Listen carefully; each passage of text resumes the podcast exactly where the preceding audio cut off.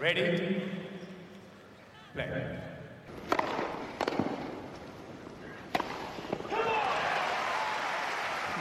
Herkese merhabalar. Farklı Kaydet'in tenis podcast'i Inside Out'un 27. bölümüne hoş geldiniz. Ben Gökalp. Ben Anıl, merhaba. 2009 hepimize kutlu olsun, güzel bir tenis dolu bir yıl olsun diyorum. 2009 mu? 2019, pardon. 2009 olmasın abi. Federer'in ağladığı, final sonrası ağladığı Avustralya çık. Amin. Bakalım. amin. Gerçi finali görse bu sene ne hala, orası da ayrı. evet, bugün 2019'un ilk podcast'ini kaydediyoruz. Çünkü Avustralya gelmek üzere. Avustralya birkaç gün sonra hatta bu sanırım pazar günü kay- kayı yayınlanacak. Ee, pazartesi Avustralya açık turnuvası başlıyor. Biz onun için Avustralya açık bölümü yapacağız. Ee, hazırlık turnuvaları işte e, Asya ve Avustralya'da oynanan haz- hazırlık turnuvalarından başlayacağız çok kısaca. Önce Ama Murray'i podcast- konuşacağız. Onu Aynen. E, Murray'den başlayacağız zaten. E, bütün hepsine girmeden önce bir Murray konuşalım diyecektim. E, bir listeden gidersek de sonra bütün Avustralya açık kurasının üzerinden geçeceğiz. Çeyrek final tahminleri yapacağız Anıl'la. E, yeni kuralları var turnuvanın. Birkaç tane. Onların üstünden geçeceğiz. Sonra da yavaştan podcast'ı kapatırız ama Anıl'ın dediği gibi bugün Andy Murray'nin çok üzücü bir açıklaması oldu. 20 dakikalık bir saygı duruşuyla başlayalım diyorum ben. Sen ne diyorsun? Evet arkadaşlar, şimdi sesi kısabilirsiniz. ya Gerçekten üzdü ya sabah sabah. gülüyoruz ama gerçekten e, çok yani sakatlıkla tenisi bırakmak çok çok üzücü bir şey. Murray gibi bir efsane için gerçekten ekstra üzücü. Çünkü yani bu kadar savaşçı ruhlu ve fiziksel sınırlarının sınırlarını zorlayarak inanılmaz başarılar elde etmiş ama aynı zamanda da e, taktiksel olarak da bence gelmiş geçmiş en başarılı e, tenisçilerden birisi. Hani böyle bir ismin bu yaşta bu şekilde veda konuşması yapması çok çok üzücü ama hani e, senle de konuşmuştuk hani şey diyor "A- ağrı hissetmeden ayakkabımı giyemiyorum diyor. Yani bu şartlarda hala tenis oynamaya devam ediyor olmasının bu spora olan bağlılığının ve tutkusunun ne kadar üst düzeyde olduğunu da bize gösteriyor ki sanırım hani e, bastonla da olsa böyle bir değnekle de olsa Wimbledon'da veda etmeyi hala canı gönülden istiyordur diye tahmin ediyorum.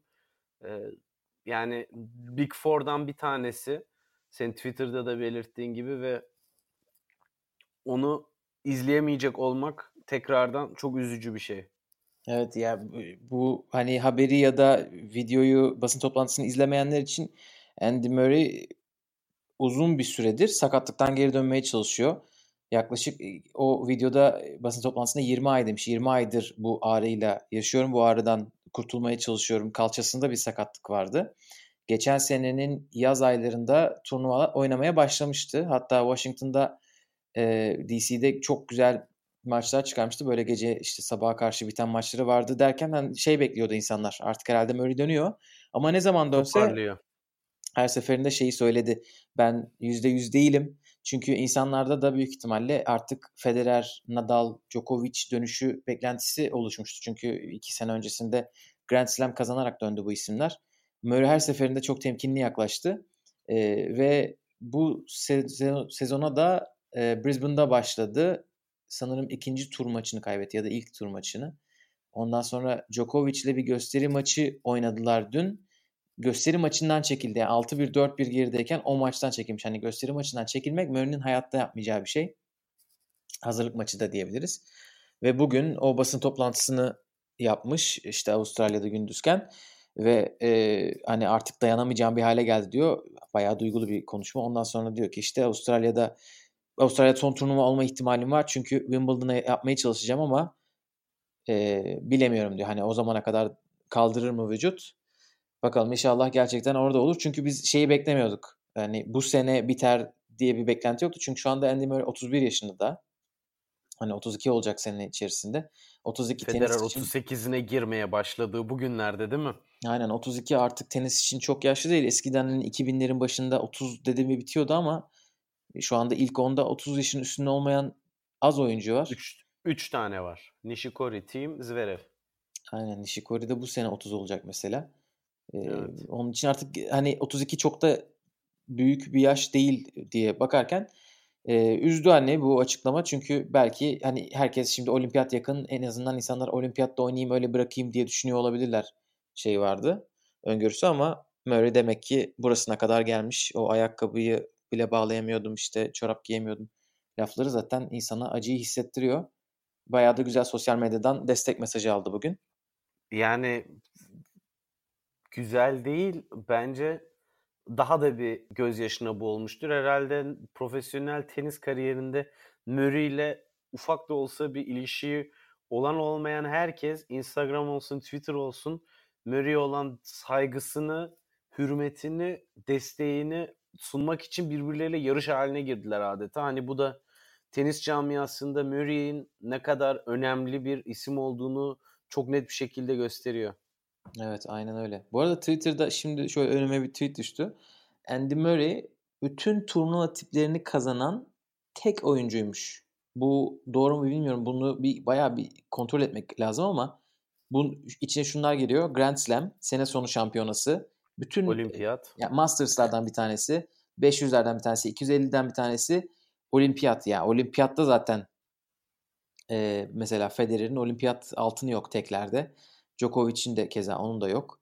Onlar orada eğleniyorlar. Davis Cup, sonra Challenger, Future ve Junior Grand Slam diye gidiyor. Gerçekten çok e, şaşalı bir CV.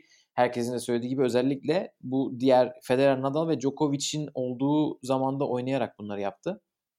Onun için gerçekten e, bayağı iyi bir kariyer. Ve hani istikrar olarak da şunu söylemek gerekir. 41 hafta toplamda bir numarada kalmayı başarmış bir isim. Hani çıktı indi değil. O bir numaraya çıkmak için gerçekten çok mücadele etti ve herhalde e, en büyük mücadelesi de Wimbledon'ı kazanmaktı. Sonra vücut yavaştan tamam dedi. Yaptık yapacağımız yeter artık dedi. Ve e, gerçekten büyük bir özveriyle hep oynadı. Zaten ayak bileğindeki sorunlarla bütün kariyeri boyunca mücadele etti. Ve ona rağmen bu seviyelere geldi. Aynen öyle. Bu arada kort dışında da çok böyle sevilen, saygı duyulan bir isim. Özellikle bu hani kadınlarla yani kadınlar tenisine olan ilgisi işte Desteği e, sadece ilgi değil, desteği gerçekten büyük desteği. zaten ilgi gösterdin mi Twitter'da bile Hı hı. kadınlar tenisiyle alakalı bir şey yazdın mı o oraya destek oluyor. Yani bu işte seneler öncesinde mesela Caroline Garcia'yı iyi izleyin ön- önümüzdeki senelerde bir numara olacak diye bir tweet var mesela. Yani kim bunu yazar? Ondan sonra kadınlarla antrenman yapıyor. Geçen Svitolina'yla Hı. antrenman yapmıştı. Geçen sene de yapıyor. Moresmo'yu koç olarak aldı Ivan Lendl'dan sonra. Evet. Ee, Daha ne yapsın? tabii Evet o konuda da çok insanlar onun değerini bildiler bugünkü mesajlarında. Ee, bir de çok komik bir adam ya. Instagram'da ben hani bu kadar beni güldürecek gibi düşünmüyordum. Çünkü sosyal medyadan önce tenisçilerin çok fazla bilmiyorduk hani bu tarz yönlerini. Yönlerini evet. Ve çok şaşırttı. Bayağı zeki bir adam belli oluyor. Bir de dediğin gibi sen hani şey dedin ya taktiksel olarak çok ön planda. Andy Roddick'in de öyle bir sözü var. Ee, Andy pardon Andy Roddick. Doğru mu söyledim? Andy Roddick'in Murray Evet, için evet. sözü var. Andy, Eh, Andy Andy'ler karıştı. Roddick Murray için diyor ki işte tenis IQ'su en yüksek olan oyuncu oynadığım. Eğer yanlış hatırlamıyorsam oyunculardan biri bile demiyor. Oyuncu diyor direkt. Onu da evet bağlayalım öyle. Başka var mı Murray söyleyeceğimiz inşallah? Başka konuşuruz sen, sezon içerisinde. İnşallah yani eee, yani ne diyebiliriz ki hani bitmemesi gereken bir kariyerin hani sağlık tabii her şeyin önüne geçiyor. Çünkü çok hayatın geri kalanında ağrıyla, değnekle e, devam etmek zorunda olan insanlar var. Hani öyle olmasındansa erken bırakmasını tercih ederim. Aynen öyle. Zaten e, o da ondan dolayı karar verdim diye eklemiş bugün. O zaman yavaştan Avustralya'ya doğru yol alalım. Şimdi önce Avustralya'dan önce hazırlık turnuvalarını konuşacağız. Evet, yolun başında ne var Gökalp? Hemen başlayalım. Sene başından nasıl gidelim? S- e, süre olarak mı şey zamanla mı gidelim? Doha ile başladı. Hopman. Erkeklerde Doha, Brisbane, Pune onlar ilk haftanın turnuvalarıydı. Çok kısaca ben şampiyonları söyleyeyim sonra senin yorumlarını alayım. Hı hı. Doha'da Bautista, Robert Robert Bautista şampiyon oldu ve Thomas Berdih'i yendi finalde. Ee, Doha'dan başlayalım. Ha ben sırayla hepsini önce okuyacaksın sonra şey, evet daha bir, bir, bir gidip geldim de sonra dedim şimdi Doha'da söyleyecek çok şey söz var. Evet bir yani Doha'da durayım e, beni mutlu eden açıkçası Bautista'nın şaşırtıcı performansı. E, hem Berdik hem Djokovic'e karşı izledim. Bilmiyorum sen de takip edebildin mi maçları ama e, yani ben biliyorsun Bautista konusunda çok da böyle e, ümitli ve bir beklenti içerisinde olan bir izleyici değilim. Ama Djokovic'e karşı oynadığı oyun belki Djokovic en üst düzeyinde değildi ama muazzam sayılar vardı işin içerisinde ve e, ben genel olarak sert kortta Bautista'yı bu kadar iyi e, beklemekten dolayı görmekten dolayı biraz şaşırdım açıkçası. Ama Berdik iyi bir Berdik ve ona karşı da finalde kuvvetli bir şekilde kazanmış olması bize Avustralya açık öncesi e, izleyecek maç sayısını arttırdı. Ne diyeyim? yani sağ olsunlar bütün gece uykusuz kalacağız. Bu sene çok heyecanlı başlıyor o açıdan. Ee, Djokovic'in yenilmesi tabii ki. Yani ben biraz izledim. Hani Djokovic'in formu e, bıraktığımız yerde değil bence şu anda. Ama bu giriş turnuvası gibi gördüğü için mi çok asılmadı orasını e, Avustralya açık gösterecek. Evet bir Djokovic e, Abu Dhabi'de iki maç yaptı. Hemen bir hafta öncesinde. Bir hafta bile değil birkaç gün öncesinde. Orada Mubadala hı hı. gösteri turnuvasında. Orada Kevin Anderson'la uzun bir maçı var. Hani acaba yorgun mu geldi bile diyenler oldu. E, zaten Bautista maçında artık yorulmuş olmalı. Çünkü önceki maçları hep 3 sete gitti. Hiç öyle ben önceki maçlarından birisini izledim. Şimdi hatırlayamadım hangi maçı izledim ama e, acaba Basilaş Basilashvili maçını izledim. Evet, onun sonunu izledim. Orada mesela Basilashvili tamamen şalteri indirdiği için Djokovic ilerledi rahat rahat ama e, dediğin gibi bu sezon başı turnuvaları çok gösterge olmuyor. Ama burada Djokovic dışında Berdih'i bir övmek lazım. Çünkü Berdih 6 aydır turnuva oynamıyor. Wimbledon'dan önce sezonu kapamıştı geçen sene. İlk turnuvası ve ilk turnuvada final gördü. O mesela iyi halletmiş bu arayı gibi gözüküyor şu anda. Ya bu da şunu gösteriyor yani teniste genel olarak turnuva turnuva bakıp ya bu adam iyi turnuvalarla ilerliyor şimdi böyle yakalar demek biraz zor tabii ki sıcak dönemde bu doğru ama mesela Federer'de de bunu çok görüyoruz. 6 ay ara veriyor tenise yani 6 ay değil de 3 ay duruyor sezonları bırakıyor yani toprağı zaten es geçiyor sonra bir geliyor rüzgar gibi esiyor hani demezsin ki kaç aydır maç yapmamış. Evet. Evet. Burada Berdih bence zor olanı yapıyorlar. İstisna gibi bakmak lazım. çünkü herkes de öyle gelemiyor. Wawrinka mesela daha yavaş yavaş geldi ama Wawrinka da bu turnuvada iki tane güzel maç oynadı. Sonra Bautista'ya kaybetti. Onun için ona da bir şey yapmak lazım. Hadi mazur görelim. Avustralya'da bir şey yapmak lazım. Göz önünde bulundurmak lazım. Deyip Brisbane'a geçiyorum. Evet. Brisbane'da geçelim. finalde Nishikori Medvedev'i yendi. Medvedev'in yendiği insanlar arasında da Murray, Raonic ve Songa var. Songa var. Evet. Yani daha sonra da söyleyeceğiz zaten. Benim Avustralya açıkta e, sürpriz beklediğim isimlerden birisi Medvedev. Tabii ki şampiyon olur demiyorum ama e, güzel bir ilerleme kaydedecektir. E, şunu da söylemek olmuş. lazım. E, Nishikori ve Medvedev maçında şunu çok net gördük. İkisi de esasında çok üst formda değil ve daha az basit hata yapan kazandı. Öyle diyeyim.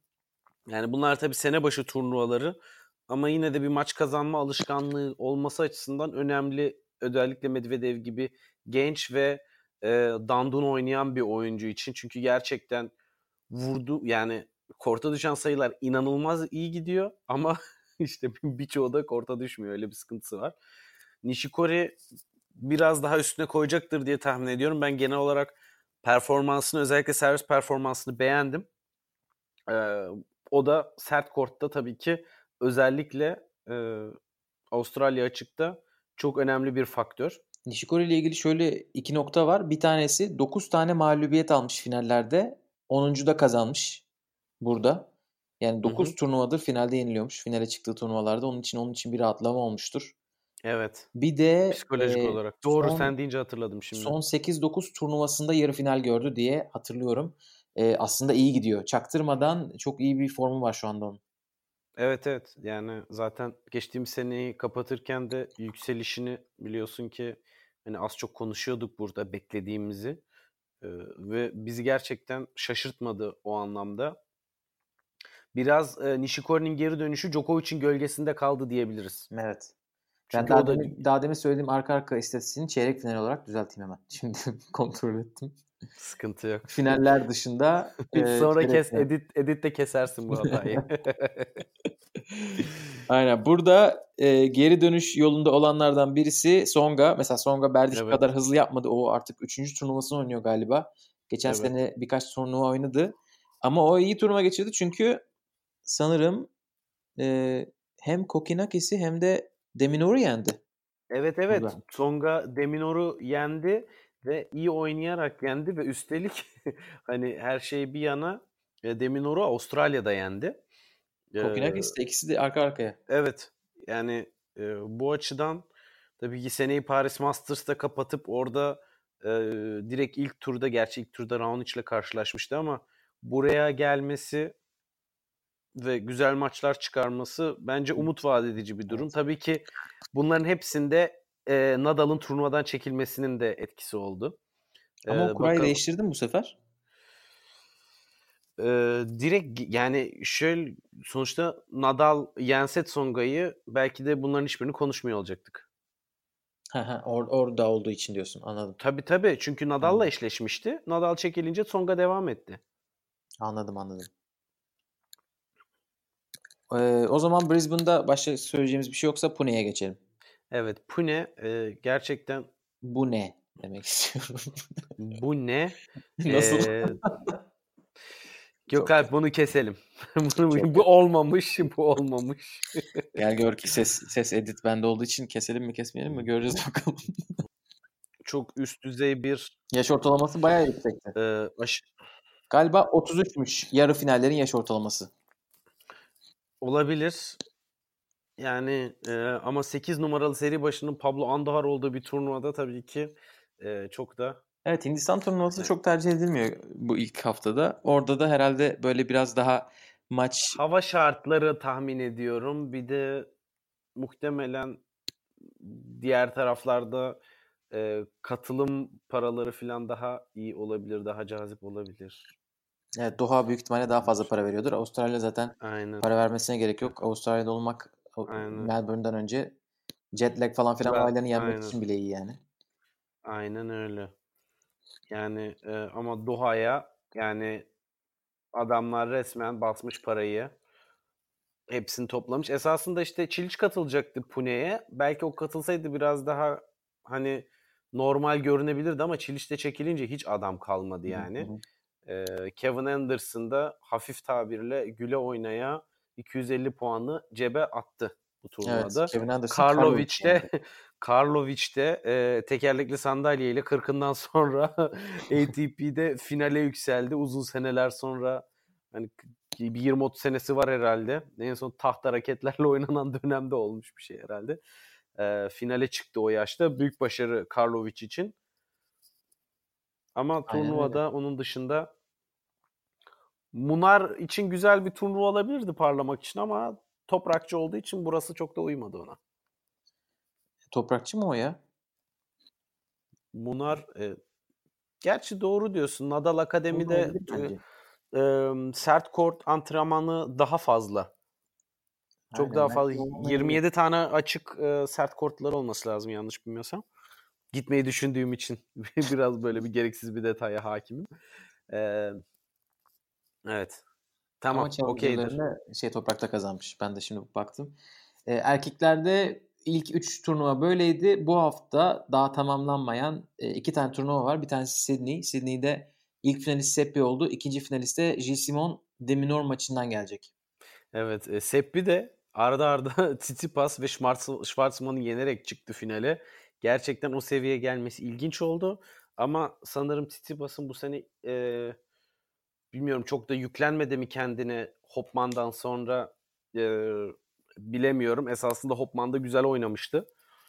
Dolayısıyla hani burada Seppi'ye neden yenildi bilemiyorum.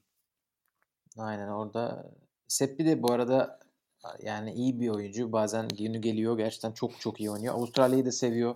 Federer'i elemişliği var. Evet. Grand Slam'de evet. iyi günlerinden birine denk gelmiş olabilir. Yani bir de burada çok pardon sessiz sessiz iki turnuvada güzelce puan toplayan bir de bir Gilles Simon kardeşimiz var.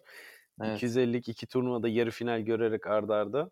Güzel sıralama yaptı bu sene başlangıcında Gilles Simon. Evet evet valla Pune'den geldi. Burada da yarı finalde şimdi. Bakalım Deminor ne yapacak? Ee, Auckland'da finale Cameron Norrie ve Tennis Sandgren çıktılar. Cameron Norrie Hopman Cup oynamıştı. Hopman, Hopman Cup'ta oynayıp... çok kötü oynamıştı. Yok ya güzel oynadı. Ya. Sisipas'ı yendi. Hatta Tiafoe'yu da yendi. İki tane galibiyeti var. O, zaman e, ben Federer'le olan maçındaki oyununa göre yorumumu yaptığım Ama için. o biraz heyecan da olabilir. O diğer ya Sisipas'ı yenmesi beni bayağı şaşırttı. Buraya davetiye alıp geldi. Wildcard'la finale kadar çıktı. Ben Federer maçını yorumladığım için kusuruma bakma. Orada gerçekten dedim yani bu ne? İngiltere'de adam mı kalmadı? adam kalmamış olması. Ha Kyle Edmund var bir de. Tabii canım. Onun önünde. Doğru. Tenezzül etmemiş haspam. o zaman kadınlara geçelim mi? Kadınların geçelim. ilk turnuvalarını konuşalım. Ee, evet. Brisbane'da Pliskova Lesya Surenko'yu yendi. Evet. Pliskova'ya e... e, favorilerden yani favorilerden biri direkt ilk, ilk favori değil ama ilk 5'te 6'da bir tane yer gördüm sadece. Pliškova'nın şu anda ratingini böyle bir şeye göre rating hesaplamışlar. Avustralya çık için favori falan filan yazmışlar. Ama şeyler bahisler öyle demiyor. Ama Pliškova biraz şey tehlikeli. Yani zaten hani bunu kaçıncı kez söylüyorum bilmiyorum ama kadınlar tenisi çok sürprize açık olduğu için hani e, öngörüde bulunmak zor. E, Pliškova tabii bu turnuvayla fena başlamadı çünkü e, seneye Premier kazanarak girmek büyük de bir moral. Ama e, tabii ki turnuvada elediği insanlar da önemli. Yalnız ben yine de çok hani demem ki Pliskova bu turnuvada favori. Çünkü yok yok onu evet, yani o biraz bana güzel güzel yani. güzel maçlar kazandı e, bu sene ama oynadığı oyuncuların hiçbiri yani biraz e, şey kura şansı da diyelim ki hani gerçekten oynadığı en zorlu rakip Surenko'ydu ve e, bayağı 3 set oynadı. Dolayısıyla öyle... Bence Vekic iyiydi. Vekic ile yarı final oynadılar. O şey e, onu formunu Ama beğendim ben. Ve, Vekic'e çok yorum yapamayacağım çünkü çok az maçını izledim. O yüzden atmasyon olmasın. Osaka da burada yarı final gördü ve o Surenko'ya kaybetti. Ondan sonra hatta bir basın toplantısı yapıp e, biraz daha on court behavior hani bu kort içi e, kendi işte psikolojimi biraz daha şey yapacağım gibi bir açıklama yaptı. Osaka mı? E, evet o tarz bir şeyler söyledi. Sanırım herhalde şey oldu. E, birden maçı artık şey mi yaptı çehresini değiştirecek şekilde mi oynamaya başladı. Ondan dolayı e, öyle bir şey söylemiş. E, ama Osaka zaten bunları yapacak şu anda şeyi var. Kredisi var. Tabii. E, bir WTA Premier'inin yarı finalinden bahsediyoruz. O kadar da şey yapmasına gerek evet. yok. Yani sonuçta yarı finale çıkarken de Sevastova'yı yendik. Sevastova da geçen seneyi kapadığımızda formda isimlerden birisiydi. Evet. Aynen öyle. Hani on, kim nerelere geldiğinde bir de kimlerle oynayarak oralara geldiğinde önemli. Bazen kura şansı çok şey değiştirebiliyor çünkü. Tabii tabii tabii. O zaman Shenzhen'e geçiyorum. Shenzhen'de e, Sabalenka şampiyon oldu. Çok yakın bir maç oynadılar Alison Risk'le. İkinci sette e, 4-6 tiebreak'teymiş. Ondan sonra çevirmiş maçı. Orada e, Zvonareva ilk yüze girdi. 2013 yılından beri yanlış hatırlamıyorsam yarı finale yükselerek e, ondan da bir geri dönüş izliyoruz derken Avustralya için ilk eleme turunda yenildi ne yazık ki. Ama orada bir yarı final oynadı. Burada çeyrek finaliste bir Maria Sharapova var. Evet. O e, Maria Sharapova e, Baczynski'yi yendi ilk turda. E, zor bir maç bence Baczynski ile oynamak ilk turda. Se, Ondan senin sonra İsviçreli Timea değil mi?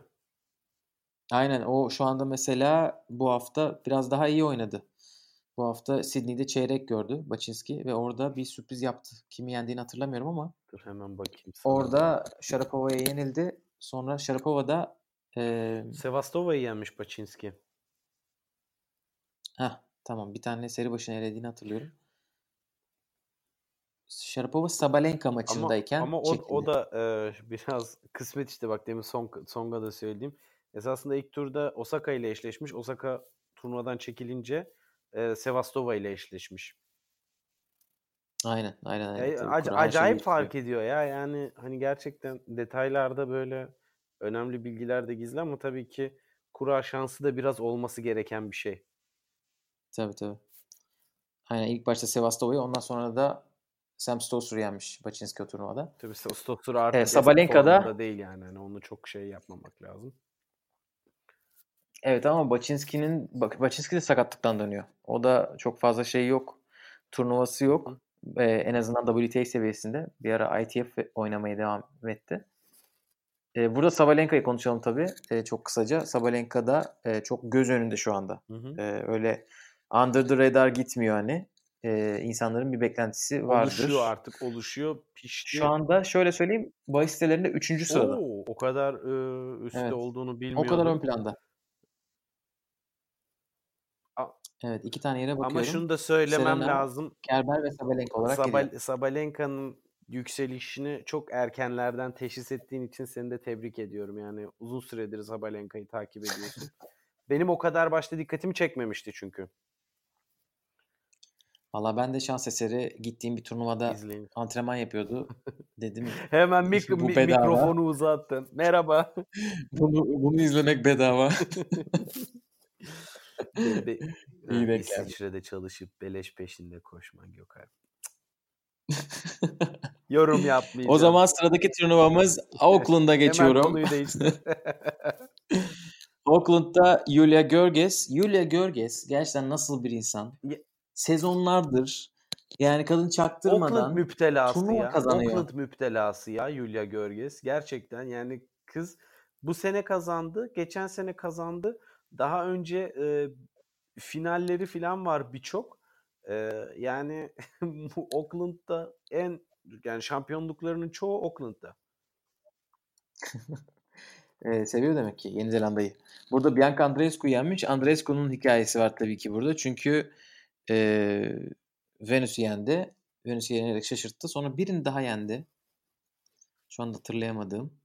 Ama o turnuvada bayağı bir ses getirdi Bianca Andreescu.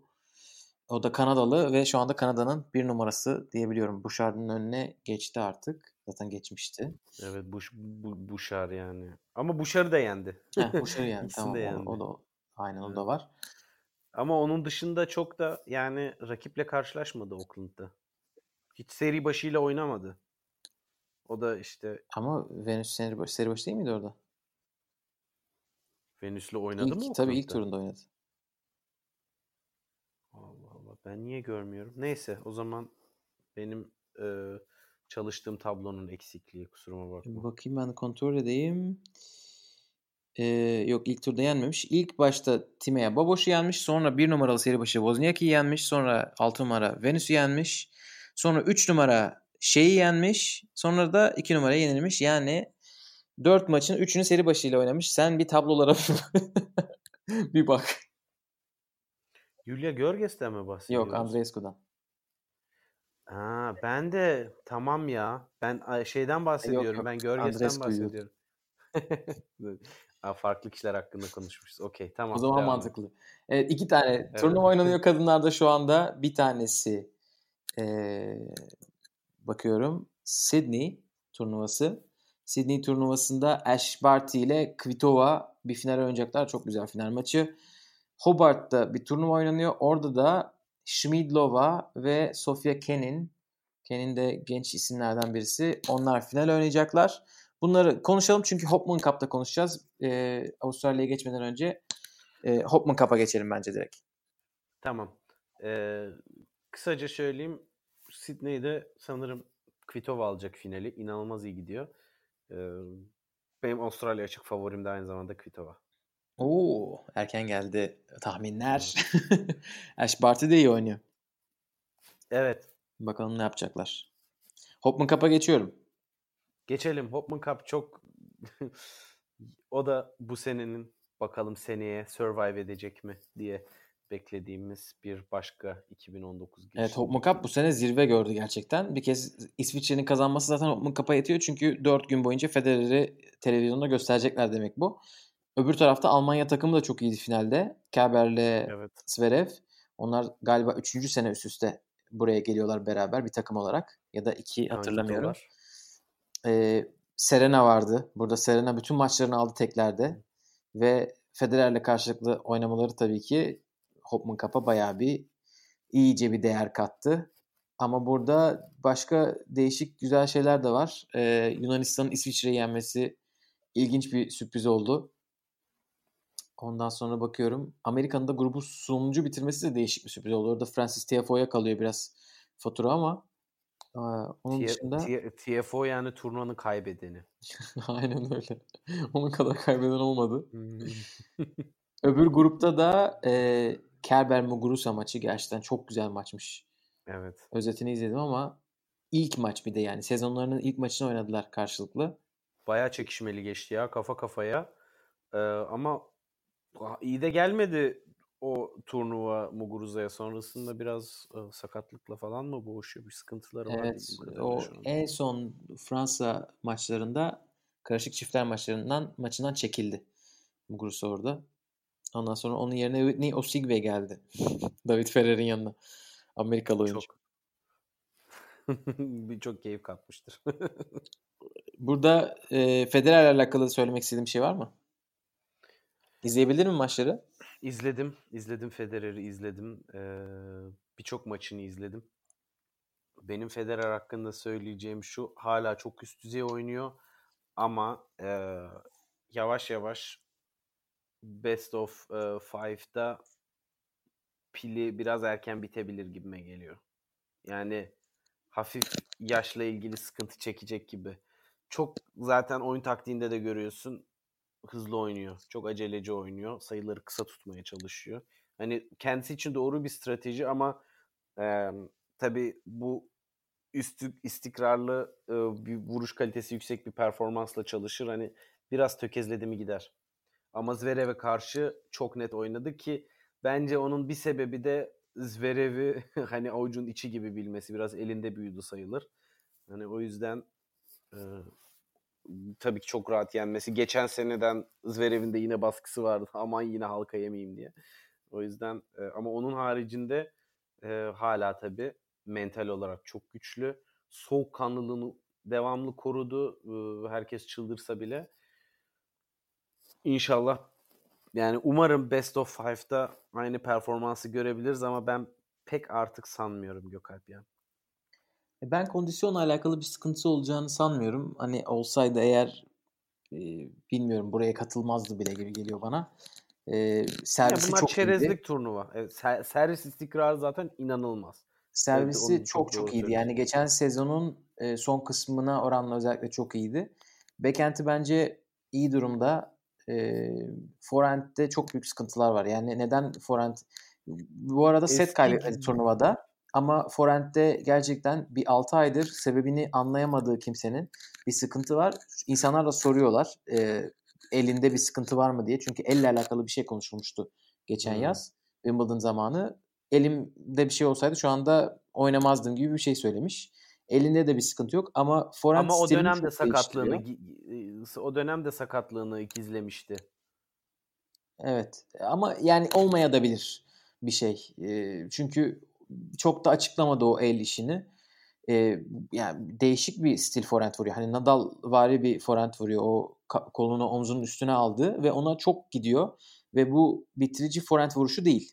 Federer'in de zaten en büyük vuruşu bitirici forehand vuruşu. Hani o daha düz, daha az spinli Evet. O Nadal forehand'ine kıyaslı olan ve o daha spinlinin tabii ki zamanlama ihtiyacı çok yüksek. Yani her şeyin mükemmel olması gerekiyor. El, erken vuruş, ayak, yani ayak çalışmasının çok iyi olması gerekiyor.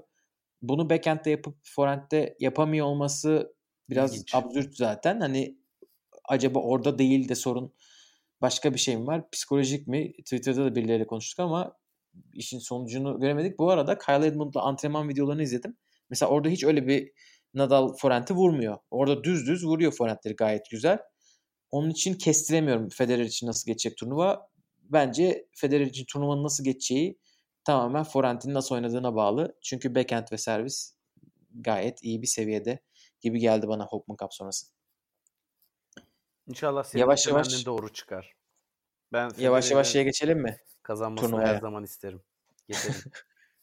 Kazanırsa zaten bu sene artık abartacak 3 tane üst üste ama göreceğiz bakalım. Kendi dinini Evet. kurabilir artık. Evet turnuvaya geçmeden önce ilk başta turnuvada bu sene neler değişiyor onları konuşacağız kısaca. Ee, turnuvanın ilk büyük değişikliği diyeyim e, final setinde yani erkeklerde 5. sette kadınlarda ve diğer bütün maçlarda işte çiftler maçlarında ve eleme maçlarında 3. sette eğer tiebreak'e gid- sonunda 6-6'ya gidilirse orada e, 10 sayıya varan bir süper tiebreak oynanıyor. Bu sene gelen bir kural bu. Ee, ben de zaten ilk golümü Cem'in maçında yedim. Cem'in maçı 3. sete gitti 6-6'ya.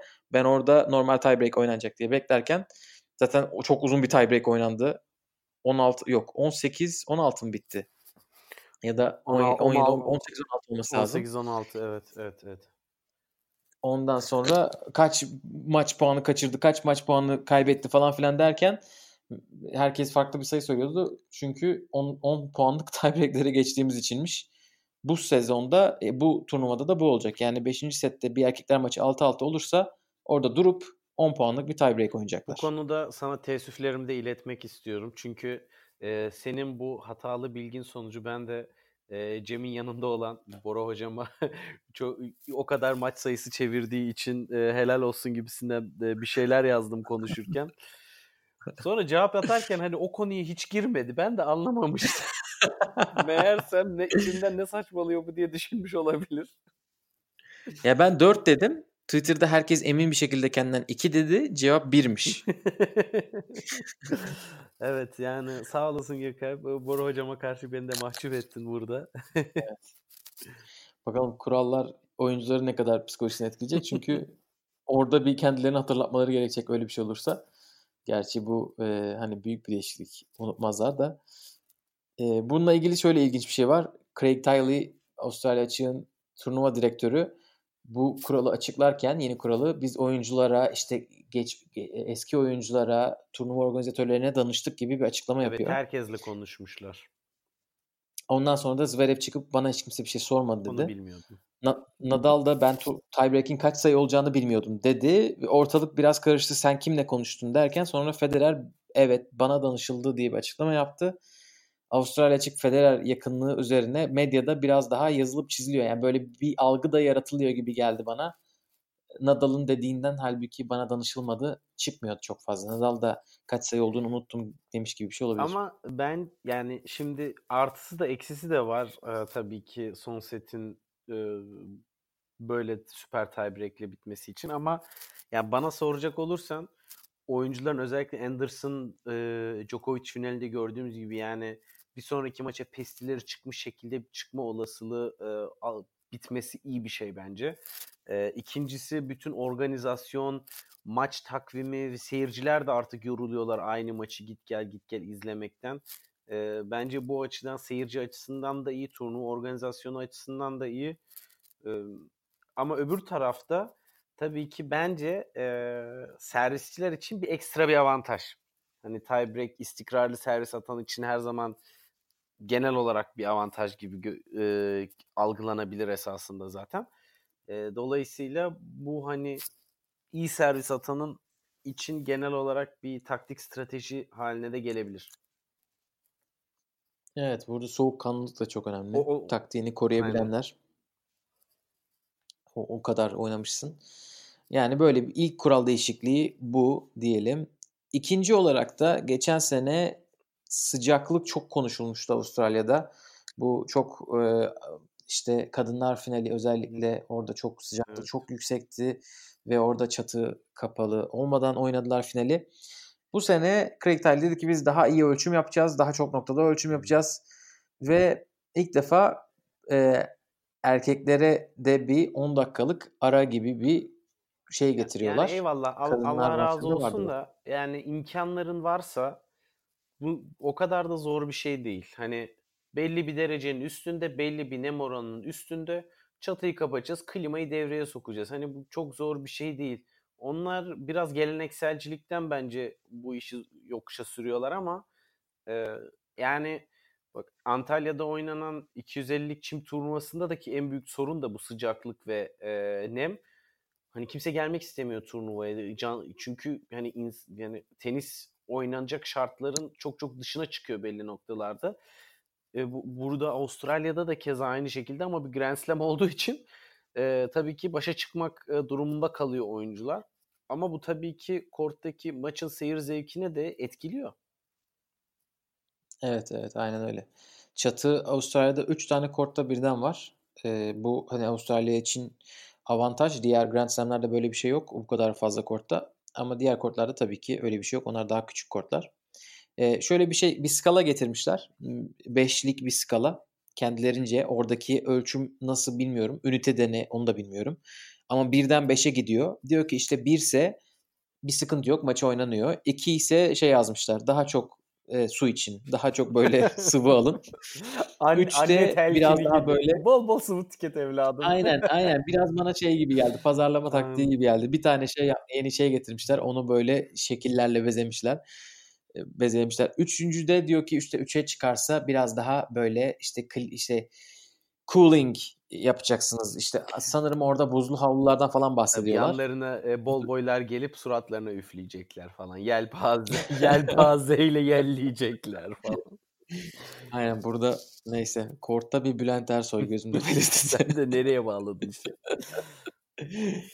Dördüncüye çıkarsa orada ara veriliyor.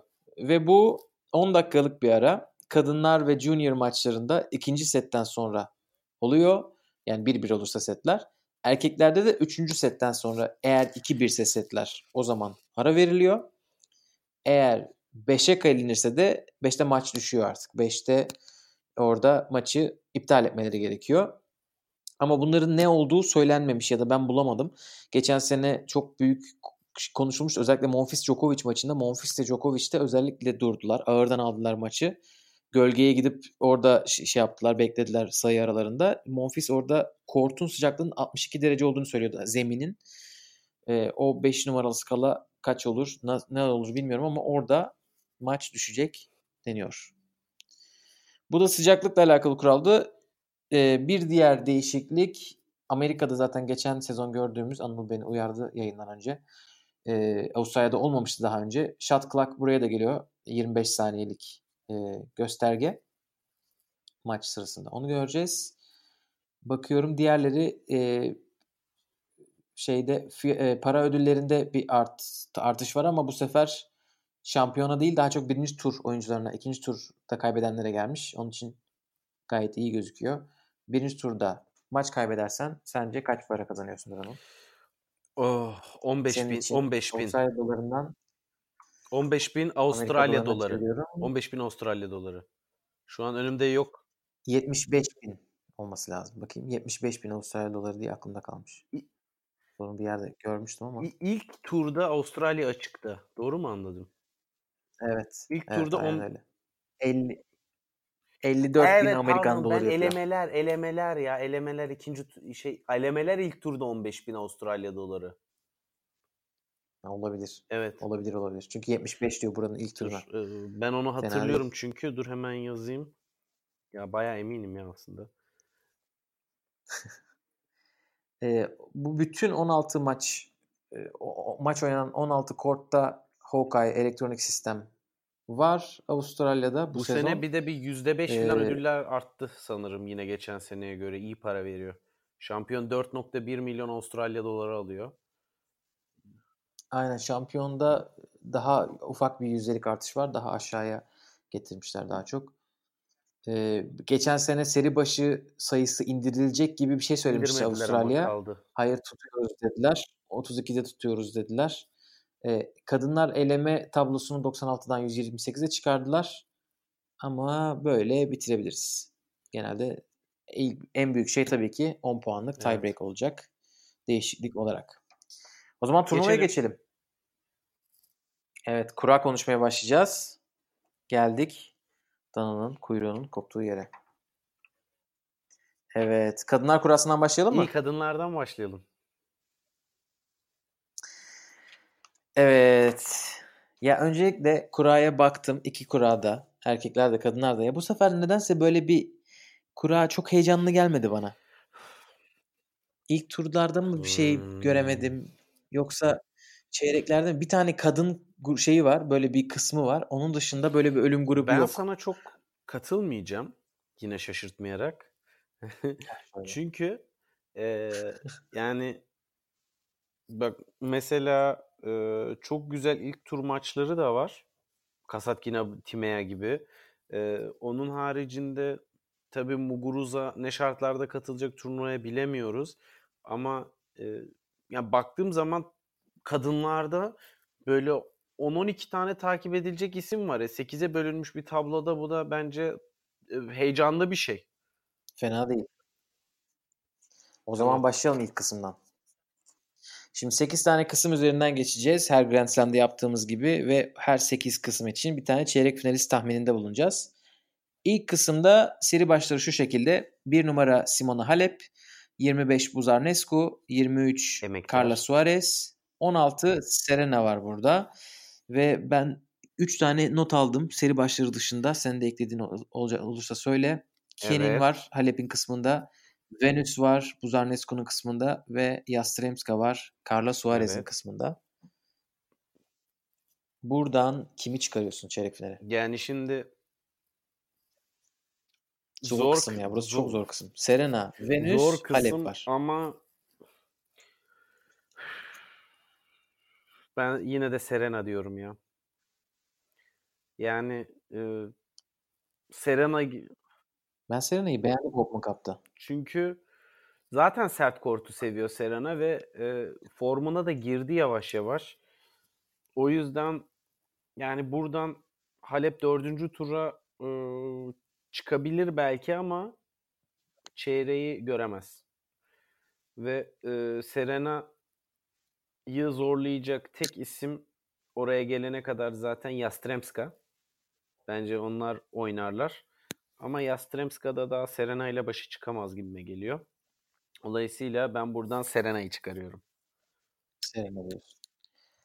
Ben de Serena diyorum. Benim ikinci düşündüğüm Venüs var burada. Ben ilk başta Venüs mü desem dedim ama sonra Serena daha ya. mantıklı geldi. Ve- Venüs Ve- Venüs de kötü oynamıyor çünkü. İki tur geçiyor sonra e, kaybediyor yani genel olarak. Hani turnuvanın büyüklüğü küçüklüğü fark etmeksizin.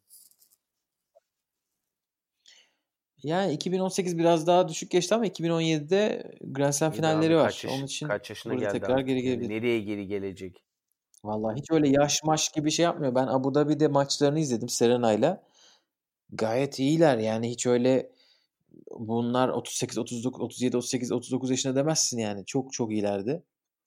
Ve burada açıkçası ben Buzarnescu'nun Venüs'e gerçi öyle spinle oynayanlar, değişik oynayanlar çok rahatsız edebiliyordu onu ama eee, pardon Nicolescu, Nicolescu ile karıştırdım. Buzarnescu bence şey yapmayacaktır Venüs'ü. Rahatsız etmeyecektir. Oradan Kenin'i hiç izlemedim. Kenin'i merak ediyorum ve bence Kenin Halep'i orada yiyebilir gibi geliyor bana. Şu Ee, zaten final oynayacak. olabilir. Hani Bu arada Kanepi de Halep'i Kay. Kanepi o da senin sevdiğin sürpriz adaylardan birisi genelde. Ee, evet. Yani Amerika'da yendi. Ken'in bayağı formda bu ara ya. Yani son turnuvalardaki sonuçlarını takip ettiğim kadarıyla iyi ilerliyor yani belli noktalara kadar. Hani sürpriz yapmaya hazır. Hem öyle hem de e, Halep'in Cincinnati finalinden beri yani Cincinnati yarı finalinden beri Evet. galibiyeti yok. 5 maç kaybetti üst üste. Zor kurallar çekti biraz. Bir tane maçtan çekildi ama Sen ma- yenildiği sen maçlardan birisi Halep'sin. Kaya Sana Kanepi. zor kura yok yani. Evet. Evet sen bir Öyle numarasın. bir, öyle bir dünya yok yok Alp'cim. Ee, Bakalım section, burası karışık. Section, burası güzel bir ya. kısım. İkiye geçiyorum. 10 numara Kasatkina, 18 Mugurusa, 27 Georgi, 7 Plishkova. Ben ekstra bir tek Baczynski'yi yazmışım. Kasatkina ile ilk tur maçı oynayacaklar. Buradan ben Plishkova'yı çıkardım. Sen Plishkova'yı şey, çıkardın. Muguruza yazacaktım. Sonra Muguruza ile Pliškova'nın oynadığı maçlara baktım. Çok şaşırdım. 9 maç yapmışlar. Hadi ya. Pliškova 7'sini kazanmış. Ben biraz daha başa baş bir şey beklerdim. Böyle 5'e 4 gibi. Hatta Muguruza'nın daha çok kazanmış olmasını beklerdim. O bir şaşırttı. Var mı? Ya ben Tahmin. burada biraz arada kaldım be Gökalp. Ama Burası arada kalınacak. Kasatkina diyorum ben. Normal. Hı hı. Kasatkina mı? O pek formda değil gibi ya. Ben ona Burada inanıyorum. mı dönecek? Yani e, çok temelli bir düşünce değil esasında. Çünkü e, katılıyorum yani son hani en son ne zaman maç kazandı ben de bilmiyorum. Ama yani ben Kasatkina çıkar diyorum. En son Ekim'de kazanmış. Canı, 3 tane kaybetmiş. can- canı sağ olsun. Canı sağ olsun. Hadi bakalım. Burada bu arada bu kısımda e, Camila Giorgi'nin kısmında Iga Swiatek diye bir arkadaşımız var. Elemelerden gelmiş. Bu geçen senenin Junior Wimbledon şampiyonu. Öyle mi? Şu an Evet. bakıyorum 174. sırada. Geçen sene mi önceki sene mi bir kontrol edeyim. 2018 Pardon evet geçen sene. 178. sırada çok pardon şimdi düzeltiyorum. US Open'da ikinci tur oynamış. French Open'da yarı final oynamış. e, Junior'larda. Yani Radvanska'nın veliahtı diyorsun ha. Dikkat çekiyorsun buraya. Yani Wimbledon'da kazanmış olması onu bir söyleyeyim dedim. Evet evet önemli bir şey tabii ki. Üçüncü kısma geçelim mi? Geçelim. Burada 4 numara Osaka, 28 numara She, 21 Chiangwang, 13 Sevastova, 28 numara She'nin kısmında Azarenka var. Vallahi burada güzel. Bak Gökalp böyle yavaş Ben- yavaş bakınca heyecanın artıyordur belki de. Burada güzel. ben bu ya, burada acımadım. Osaka'yı çıkardım ama bir Chiangwang'ı da merak ediyorum. Geçen senenin sonlarında çok konuşmuştuk Evet. bu ismi. Hem iyi bir ikinci yarı yıl geçirdi geçen sene hem de Çinliler Avustralya'da çok destekleniyorlar. Sırf öyle bir faktör olabilir mi dedim. Çünkü Sevastova'yı yenebilecek bir isim bence. Ama çeyrek görebilecek kadar da hiç göremedim yani. Onun için ben buraya Osaka'yı yazdım. Ya ben turnuva genelinde bir tane Çinlinin sürpriz yapıp e, çeyreği kesinlikle göreceğine inanıyorum. Ama e, hangisi olur ona net bir şey söyleyemiyorum. Bu konuda beni mazur gör. E, ben de Osaka diyorum. Ama Osaka dememin yani Osaka'ya Osaka çok iyi. Yoksa aslında hani biraz e, hazırlan iyi hazırlanmışsa e, bu son maçtan beri Sevastova'da burada çeyreği görebilecek bir isim esasında. O zaman Osaka dedin. Sevastova Plasa gibi. Vallahi. Aynen öyle. Aynen öyle. Tamamdır. Dördüncü kısma geçtik. Burada 12 numara Mertens, 17 numara Madison Keys, 26 Sibulkova, 6 Svitolina var. Yani burada çok Buradan Kozlova çıkar al. diyorum falan. Niye gülüyorsun? Niye gülüyorsun? Em, şöyle bence buradan Madison Keys çıkar. Madison Keys. Yani esasında Gerçekten bitirdiği yer çılgın tahminler. yani çünkü yani şu Svitolina benim gördüğüm kadarıyla WTA Finals'ı kazandıktan sonra biraz fazla tenisten uzaklaştı gibi. Ee, Anıl Instagram'ında bugün neler koydu Svitolina? Ya senin Hublo'yla anlaşmış en son. Ee, yani artık o da elit bir e, tenisçi. o anlamda. Svitolina biraz konsantrasyon kaybetti diyorsun yani. Şampiyon oldu. yani be- bir şeyler oldu. bana öyle bir izlenim uyandırıyor açıkçası. Hem turnuva katıldığı turnuvalar ve performansına da baktığın zaman zaten hani istikrardan bahsetmek yine söz konusu değil. Ben burada Eliz Mertens'i çıkardım. Açıkçası biraz şey e, durumu var ya eğer birisi bir Grand Slam'de çok başarılı olursa ertesi sene böyle bir şey taşıyor onu. Yani o başarı kadar olmasa da bir altını yapıyor. Mertens burada geçen sene yarı final görmüştü. O özgüvenden için, dolayı diyorsun. Yani bence de güzel Bence tahmin. bir özgüven olacak. Bir turnuvayı bil, biliyorluk var yani. Onlarda mesela Wimbledon'da arası Pionkova böyle geliyor. Hiçbir şey oynamıyor. Sonra Wimbledon'da tekrar iyi oynuyor falan. Sırf ondan olur diyorum. Bir de geçen sene burada Svitolina'yı yenmiş çeyrek finalde. 6-4, 6-0. Onun için Svitolina ile burada oynamışlığı da var. Onun için Mertens yazdım ama Mertens de bu arada ilk turda Schmidlova ile oynayacak. O da şu anda final oynuyor. Bu WTA turnuvasında. Evet, Benčić Slovak yendi. kız. Bu da genç. E, iyi. Benčić'i iki set de yendi sanırım. Değil mi? Evet. Öyle 6-4 6-4 müydü neydi öyle bir şeydi. Bakayım. Aynen öyle. Evet 5. kısma gelelim. Burada burası güzel bir kısım. Pardon ya. 2-1 2-1 yenmiş. 7-6 6-4 6-2. Kusuruma bakma. Öyle mi? Yanlış bilgi. Hemen düzeltelim. Beşinci kısma geçiyorum. Burada 8 numara Kvitova, 32 Stritsova, 24 Surenko, 11 Sabalenka ve Stritsova'nın kısmında da Benčić var orada bir. Burası güzel bir kısım. Kvitova ile Sabalenka evet. var çünkü. Yani olarak. Zaten hani benim buradan çıkacak kişiyi e, tekrardan söylememe gerek yok. E, Kvitova çıkar Sen diyorum. Kvitova oldu evet. Ama esasında e, Sabalenka'da sürpriz yapmaya e, hazır bir şekilde bekliyor orada. Ya sana üçüncü ve o şey yapıyorlar diyorum bahislerde. ben burada Sabalenka yazdım ama yazarken de bir düşündüm. Çünkü Kvitova geçen hafta rahat yenmiş galiba Sabalenka. 7-5-6-1 gibi bir şey olması lazım. Evet. Yani e, Kvitova bu aralar bayağı herkesi zaten rahat yeniyor. Ama ben e, WTA Finals'ta bir... ki performansından sonra e, bunun iyi bir toparlanma sürecine e, girmiş olduğunu gözlemliyorum Kvitova'nın. Yani orada 3 maçını da kaybetmişti. Yanlış hatırlamıyorsam WTA Finals'ta. E, oradan sonra canavar maşallah bu sene.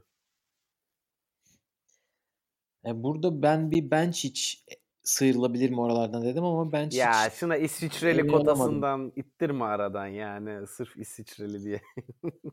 ya açıkçası eğer Kerber'le Veya sen yap ben de sonra Görges'te yapacağım. Yok hayır şey e, Kerber'le oynadıkları maçta o kadar yakın olmasaydı o maç ben hiç, hiç kale bile almazdım. Ama Kerber bence çok yüksek bir seviyede oynuyor şu anda ve Kerber'le erişebilir bir şey oynadı. Sırf ondan dolayı acaba dedim. Sonra zaten e, şeye gitmiş. Hob Hobart'talar şu anda. Yanlış söyledim galiba daha demin Oakland diye ama. Ama sonra Kvitova'ya şey yaptım orada. Kvitova onu yener diye Sabalenka'yı çıkardım. Bakalım. Evet, Burada Hobart'ta. Hobart'ta. Aynen. Altıncı kısım da güzel. E, kurayı sevmeye başladım. Sesimden anlayacağın evet, gibi. Evet Yani e, senin de ikna olmana sevindim. Çünkü güzel bir sene. 15 numara Ash Barty var burada. 22 Ostapenko. 30 Sharapova. 3 Wozniacki. Wozniacki gerçekten çok kötü bir kura çekmiş diyebiliriz herhalde. Evet yani Wozniacki'nin bir de savunması gereken 2000 puanı var. Sıralamada birden 20'ye falan düşebilir. Ee, bu turnuvada erken bir sürprize kurban giderse ama e, yani esasında Sharapova'ya kadar zorlu bir rakibi yok. En azından bir üçüncü tur görür. E, Sharapova'yı da ya Vera Lapko var orada bir tane ama onu zorlar mı bilmiyorum. Yani Wozniacki epeydir maç yapmadığı için çok bir yorum yapamayacağım son performansıyla alakalı. Ama e, yani esasında o bir yenildi bir yerde. Bir yerde. Hissediyorum. Brisbane olması Oakland'da lazım. yenilmiş. Ha yok evet. E, Andrescu'ya yenilmiş. Oakland'da, evet, Oakland'da oynamış. Evet. Tek maç almış, tek maç kaybetmiş. Buradan kimi çıkaralım ya çeyreğe? Kimi çıkaralım? Sanki bizim dememizle oluyor. Ee, ben bu yani bura biraz e, sürprize açık bir yer. E, Ostapenko gelebilir buradan bu arada, e, toparladıysa biraz kafasını. Burada e, şey Benim var. sürprizim e, var burada. Sharapova'nın Tamam sen Ee, söyle. Astra Sharma Avustralyalı bir buçuk senedir falan profesyonel yani 23 yaşında olmasına rağmen spontane bir şekilde üniversitedeyken tekrar tenise dönmeye karar veriyor. Ve o zamandan beri böyle acayip bir yükseliş formunda. Ee, bilmiyorum yani üçüncü turu falan görürse yine bayağı büyük olay. Ee, evet 3'ü görmeden önce ilk tur de, bence geçebilir. Priscilla Hon var. Sonra Ostapenko Sakkari maçının galibiyle oynayacak. Onu işte geçersen. evet yani orada orada bir sürpriz yapabilir işte ben de onu diyorum. Hı hı. Ee, ama tabii çeyreğe kadar e, boyu yetmeyebilir. Yani buradan burada ama her şeye de açık burası be Gökalp. Yani e, Şarapova'ya bakıyor biraz iş. Şarapova düzgün oynarsa rahat çıkar buradan ama yoksa herkes çıkabilir. Ee, bence burada en kuvvetli isim Barty şu anda. Yani en güçlü hem de son zamanlarda iyi oynayan. Sadece e, dengede gerçekten çünkü Barty şu anda da oynuyor. Bu turnuvada da. Hopman Cup'ta da oynadı ve büyük ihtimal Avustralya açıkta çiftlerde oynayacak. Onun için bir acaba bir yorgunluk olur mu diye düşünüyorum. Niye o kadar maç oynuyor ben de onu çözemedim. Hakikaten biraz fazla abarttı gibi. E- Beklenmedik bir ve e, yani tabii ki Ashley Barty de herkesi yeniyor bu ara. Hani Evet. ciddi rakipleri yenip geliyor. Ben Ee, buradan Barty'yi çıkarıyorum ya. çıkar muhtemelen haklı da çıkacaksın. O zaman sen, sen de gel sen de çıkar. Yok ben yine de e, Astra Sharma mı diyorsun sen çeyrek finalist? yok Sharapova diyorum ya. Sen Sharapova diyorsun. Burada e, sen bir tane Çinli çıkaracağım diyordun. Sırf onu söyleyecektim ama söyleyemedim. Wang Yafan Wang'ı diye mı? birisi var. Barty'nin 3 altında. E, bu arkadaş Sharapova ile maçını oynarken ilk seti aldı ve sonra çekilmek zorunda kaldı. Sonra kortta ağladı falan. Sonra Sharapova gelip teselli etti. Ha bu o kız mı? Ya İleride bir numara olacaksın diye. Şey, Evet o gerçekten Onu merak Yani ediyorum. Şarapova'nın birine ileride bir numara olacaksın demesi e, beni de çok şaşırtmıştı. Hani e, soğukkanlılığıyla ve donukluğuyla bilinen bir e, Sima Şarapova. Evet kendisi doping cezasından sonra ca- değişti. tenis camiasında ama işte evet ve Burası zor bir kısım. bu evet yani evet demekten başka bir şey gelmiyor aklıma hakikaten çünkü şey çıkacak kişiyi seçerken de çok zorlandım. Aynen İlginç öyle. karakterler var burada işte. Wang, Sharma, Barty genç yaşta hala denebilecek bir yaşta bu sene iyi form tuttu. Sharapova'nın tecrübesi e, var. Ostapenko'nun yapabilirse tekrar bir e, sürprizi var. Bir de turnuvanın geçen seneki şampiyonu ama iki hiçbirimizin çeyrek final dahi layık görmediği Wozniacki var. Ee, bu arada Sakkari de kötü maçlar oynamadı Hopman Cup'ta. Evet Ostapenko'yu yani- alabilecek düzeyde bence. Ya ben çok da o Hopman kapı bir gösterge olarak almam yok Alp yani. Yani çok da orayı şey yapma, done olarak kullanma bence. Çünkü Sakkari genel olarak fena değil evet ama Yani şöyle Neyse. neye bakarak söylüyorum. Belinda Bencic'i yendi. Ve Bencic'in %100'ünü verdiğini gördüm. Hani sırf ondan yola çıkarak bir de e, Katie Bolter'ı da yendi. Öyle hatırlıyorum. O ya tabii ki Sakkari maç. iki sene öncesine göre çok üstüne koydu. Yani e, Bir de onu izlemeye çok gelirler şimdi. Evet. Yunanlar orayı doldurur. Yunanlar her yerde. Yunanlar Milano'da.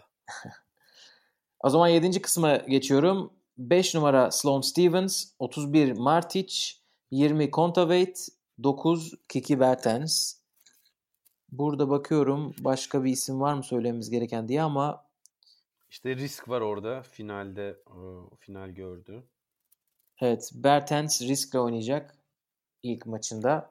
Gerçekten güzel maç. Çok Kontaveit'e de Martic'e de çok şans tanımıyorum açıkçası. Eee, ya benim gönlüm buradan yine Burası zayıf bir kısım. kısım evet eee, yani esasında Bertens eee, çıkması lazım ama Bertens de iyilere karşı iyi oynuyor. o yüzden Stevens çıkabilir diyorum. Yani ben çok arada kaldım ya. Neyse. Hadi Bertens diyorum. Bertens. Ben de Bertens diyorum burada. Ama Yapma dediğin çok doğru. Hani o iyiye karşı iyi oynuyor. Keşke burada biraz daha iyi bilir. Ama kendisi artık 9 numara oldu abi. Yani artık daha kötülerle oynamak zorunda. Yükseldi artık sıralaması. Son kısma Yani gelelim. dediğimi biliyorsun. Pardon ne diyordun? De, de- de- demek istediğimi anladın ama değil Evet, mi? Yani, evet. Aynen öyle yani o geçen sene yazın ilk ondaki herkesi yendi birkaç defa. ekstra Evet. Son kısım senin seveceğin bir kısım. Bütün Çok seri başları. Alman neredeyse. Değil. 14 Görges, 19 Garcia, 29 Vekic, 2 Kerber. Ben buradan çok net Kerber'i yazdım. Hiç acımadım. Evet. Ya- yazabilirsin. Ee, bence de öyle. Ama dördüncü tur maçı da Görges'le Kerber arasında olacak diyorum. Öyle mi diyorsun? Burada Evet. Görges'in önüne çıksa çıksa Caroline Garcia çıkar. Ben de katılayım sana. Vekic acaba ne yapacak? Kerber'i zorlar mı? Onu merak ediyorum. Matek sahasında tekler performansını merak ediyorum. Çılgın çiftçi. Burada e, Kerber'in değil de Vekic'in ikinci tur e, da karşısına çıkabilecek bir isim. Paula Badosa Hibert, İspanyol. Bu da Roland Garros'un Junior şampiyonu geçen sene. Hmm, Bu arkadaş da elemelerden gelmiş. Kendine burada yer bulmuş. O zaman şöyle yaptık. Ben çeyreğe Serena'yı, Pliškova'yı, Osaka'yı, Mertens'i, Sabalenka'yı, Barty'yi, Bertens'i ve Kerber'i çıkardım. Sen de Serena, Kasatkina, Osaka, Keys, Kvitova, Sharapova, Bertens ve Kerber dedin. Erkeklere Kaç tane? be- beş tane uyuştuğumuz var mı? 1, 2, 3, 4. Dört. Yarı İyi, yarı. sağlıklı olmuş. Tamam. Çok şaşırtmadık o zaman dinleyicileri. Tutarsızlığımızla kendi aramızdaki. Aynen öyle. Evet erkeklere geldik. Tamamdır. Erkeklere başlayalım. İlk kısım tabii ki bir numaralı seri başıyla açılıyor. 1 Djokovic, 25 Shapovalov, 21 Goffin, 15 Medvedev. Burada Djokovic'in kısmında ikinci turda karşısına çıkabilecek bir Songa var. Bir saniye Gökalp'cim yanlışlıkla tabloyu kapadım. Hemen açıyorum. Evet. Burada işte Songa Krijan'la oynayacak. Ee, eğer maçını alırsa Djokovic ile ikinci turnuvada turnuva turda oynayacaklar. Djokovic'in ilk turda eleneceğini hiç akıllara bile getirmeyelim zaten. Elem, elemeden gelen birisi öyle oynuyor. Kokinakis ile Shapovalov öyle ilginç güzel bir maç oynayabilirler ama ben buradan Djokovic'i çıkardım. Ama gerçekten dördüncü tura Medvedev çıkarsa Djokovic Medvedev maç maçı nasıl olacak çok merak ediyorum. Hangi yani ya çok güzel götürecek? olacak ya da böyle 3-0. Medvedev yenil ya böyle heyecanına yenik düşecek ve bitici, bitirecek maçı.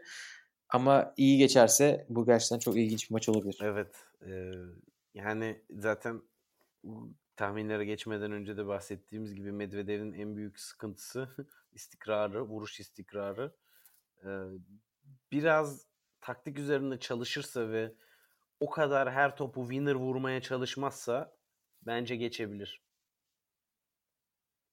Peki çeyreğe kim çıkarıyorsun?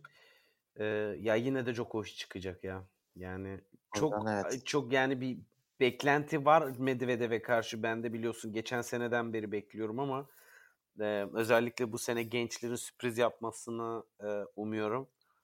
Bakalım. Yine de O biraz zaman- gerçekçi olmak lazım. Aynen aynen bence de. 2'ye geçelim. 2'de 12 numara Fabio Fognini, 23 Carreño Busta, 32 Kohlschreiber, 8 Nishikori. Evet, bu turnuvayı al, bu section al, Roland Garros'a koy. Toprakçılar Birliği Association'ı kurmuşlar, gelmişler bir arada takılıyorlar.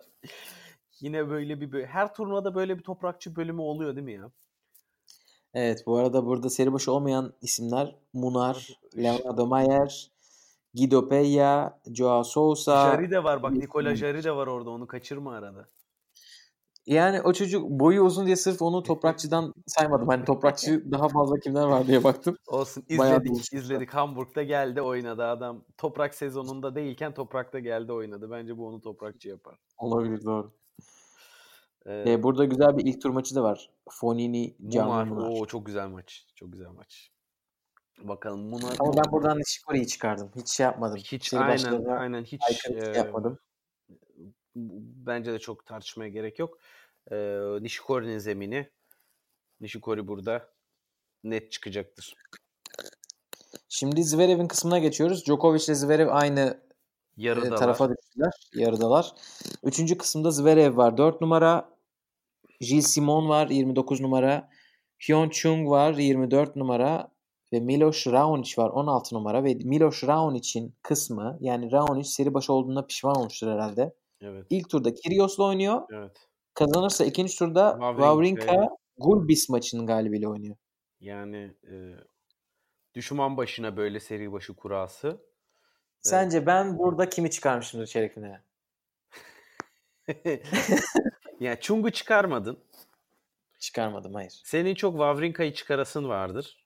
Ama plasedeki Wawrinka'yı çıkardım.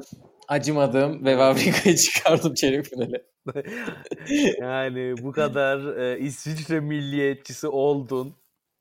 Geri dönüşünü burada göreceğiz. İşte bunlar hep Çikolatalarla, peynirlerle kutlayacağız. işte bunlar hep çocuklukta izlenen o Milka reklamlarıyla İsviçre Alplerindeki ineklerin etkisi.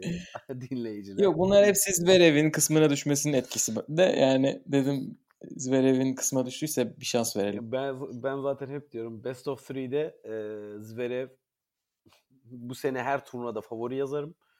E, Best of 5'da bu turnuva e, gösterecek diyelim. E, ben buradan ama tabii ki hemşerim, canım kardeşim, genç yetenek Zverev'i çıkarıyorum. Sen Zverev'i çıkar çünkü sen Zverev bu sene slam alacak dedin. Evet. Öyle hatırlıyorum. evet. Onun için bir yerde çıkması lazım zaten. İşte çeyreği bir gör. Evet dördüncü kısma geçiyoruz. Çıkarsa 11 çeyrekte de çı- çıkarsa çeyrekte de ha işte buradan e, seri başlarından teamle karşılaşma olasılığı var. Onu burada rahat geçer. Ama Çoric var Evet, dördüncü kısım yüzden. gerçekten bence bu Kur'an'ın en zayıf kısmı. 11 Çoric, 17 Cekinato, 28 Puy, 7 Team. Ekstra belirteceğim bir isim yok gibi bir şey. Team'le Ben Benoit Per ilk tur maçı oynayacaklar Evet sadece. güzel bir ilk tur Güzel maçı. maç. E, ama onun haricinde Ben buradan, buradan kimseyi çıkaramadım. Çeyrek finale kimse çıkmayacak buradan. aa Çoric'e niye ayıp ettin ya? Çoric mi diyorsun? Tabii ki. Ne bileyim ya. Buradan çıksa çıksa Çoric çıkar. Çoric'i çıkardın yani. Tabii. Kimi çıkaracaksın abi? Ramos Vinola'sı mı? Bilmiyorum çıkacak kimse. Yani kimseyi çıkarmadım fark ettiysen. Fucovic Djokovic'ten set aldı. Buna dayanarak e, sürpriz yapar diyebilirsin ama yani bu ne kadar bir gösterge e, sene başı turnuvasında Djokovic'in set vermesi hani onu da düşünmek gerekiyor. Dolayısıyla ben buradan çok yani sakatlık olmazsa tabii ki. Ya bu arada Del Potron sakatlıktan dolayı turnuvaya katılamamasına da hala çok üzgünüm. E, yazık adama ya valla yani Evet. bir Murray, bir Del Potro yani hep böyle tadı damağımızda kala kala bunları e, şey yapıyoruz.